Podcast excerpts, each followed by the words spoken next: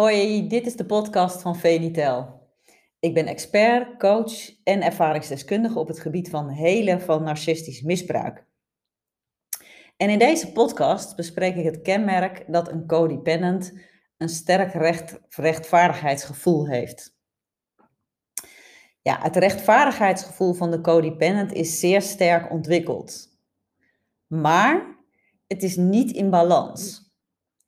Net zoals andere op zichzelf goede eigenschappen, die de codependent ook heeft, zoals eerlijkheid, empathie en zelfreflectie. In eerdere podcasts heb ik dat ook al besproken, dat dat niet in balans was. Het is een beetje te veel van het goede. En dat is ook niet goed. Dus een codependent wil een narcist helemaal niks tekort doen. Maar door dat te doen, doet diegene juist zichzelf heel erg tekort. Dus dat rechtvaardigheidsgevoel klopt dus niet helemaal. Want rechtvaardigheid wil zeggen dat je alle belangen natuurlijk in het oog houdt. En niet dat een van de partijen zich helemaal opoffert of zich helemaal wegcijfert. Nou, in de praktijk zie ik een aantal dingen op dit gebied die heel nadelig zijn voor de codependent. Eerste voorbeeld dat ik wil noemen is dat een codependent die zich steeds meer gaat opofferen in de hoop dat de narcist uiteindelijk toch verandert, echt van een hele koude kermis thuiskomt. Ik zie dit keer op keer. Ik snap het ook, want ik heb dit zelf ook meegemaakt. Dus ik kan het ook invoelen. Dus ik heb zelf ook meer dan twintig jaar gedaan over mijn zwaar narcistische relatie beëindigen. Dus ik snap dat, dat je uh, zo alles erin stopt, dat je niet, niet, niet tien kansen geeft, niet honderd kansen geeft, niet duizend kansen geeft, maar wel tienduizend kansen geeft en bereid bent om wel een miljoen kansen te geven voor dat kleine, mini, mini, mini kansje, misschien wel dat een narcist toch gaat veranderen. Maar dit is een illusie en het gaat nooit werkelijkheid worden. Want de feiten zijn daar. Het is wereldwijd bekend dat narcisten niet verandert, waar je ook maar komt. Nou, het is ook heel logisch, hè? Want een narcist ziet absoluut geen noodzaak om te veranderen. Die vindt dat het ook niet, omdat die vindt ook gewoon dat het helemaal niet aan hem of haar ligt. Nou, iemand die zelf niet wil veranderen, die verandert ook niet. Dat zou voor jou ook gelden als je zelf niet zou willen veranderen. Het geldt dus voor iedereen. Dus dit is net zo'n logica als dat 1 en 1 2 is. Nou, tweede voorbeeld. Als de relatie niet meer te redden is, hè, dan wil een codependent bijna altijd nog relatietherapie gaan doen. Maar dit werkt alleen als beide partners zich als volwassenen opstellen op emotioneel gebied. Nou, en hier gebeurt dan iets waardoor het ook nooit gaat lukken. Want in het geval van een narcist werkt dat niet. Want een narcist is iemand die emotioneel in de fase van een kleuter is blijven hangen. Ook al is hij een volwassen persoon en kan hij zich ook heel volwassen gedragen van buiten. Of eerder gezegd acteren. Maar door dat, dat kleutergedrag blijft hij altijd zich heel egoïstisch opstellen. En die zal dan op geen enkel vlak ook water bij de wijn doen. En dat is voor relatietherapie natuurlijk wel nodig.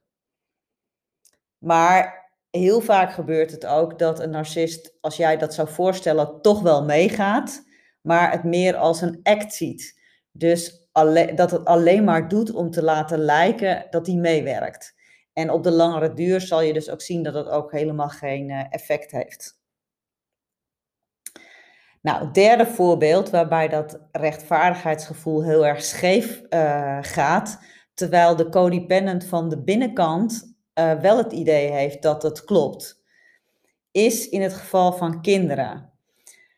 Uh, met kinderen zijn heel bang om hun kinderen tekort te doen. Net zoals dat ze heel bang zijn om hun partner tekort te doen en heel veel mensen tekort te doen. En daarom zijn ze ook bang om de relatie met de narcist te stoppen, ook nog om die reden. Dus dat ze hun kinderen tekort doen. Maar dit is een enorme denkfout die ik, die keer op keer weer zie in de praktijk. Want door juist zo te doen, doe je juist je kinderen nog extra tekort. Dus jij hebt misschien het idee dat je daarmee je kinderen juist spaart. Nee, je geeft ze juist nog een extra uh, portie pijn. Kijk, kinderen vinden een scheiding van hun ouders nooit leuk. Dat, dat is natuurlijk logisch. Maar wat ze nog erger vinden, is als ouders ongelukkig zijn. Een kind is heel erg loyaal. Een kind wil niets liever dat jij echt gelukkig bent en echt gezond bent. En als je dan ook voor je geluk en je gezondheid gaat, dan doe je je kind daarmee het grootste plezier. En daarmee is het ook nog eens keer heel gezond voor dat kind zelf. Want een ander ding daarbij is dat je, dat je daarmee ook het goede voorbeeld geeft hè, voor het kind. Hoe je in relatie staat.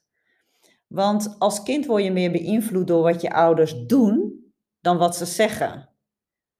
Dus als jij als moeder bijvoorbeeld je volledig ondergeschikt maakt aan een narcistische partner, zullen de kinderen en vooral de dochters later ook zo in een relatie staan.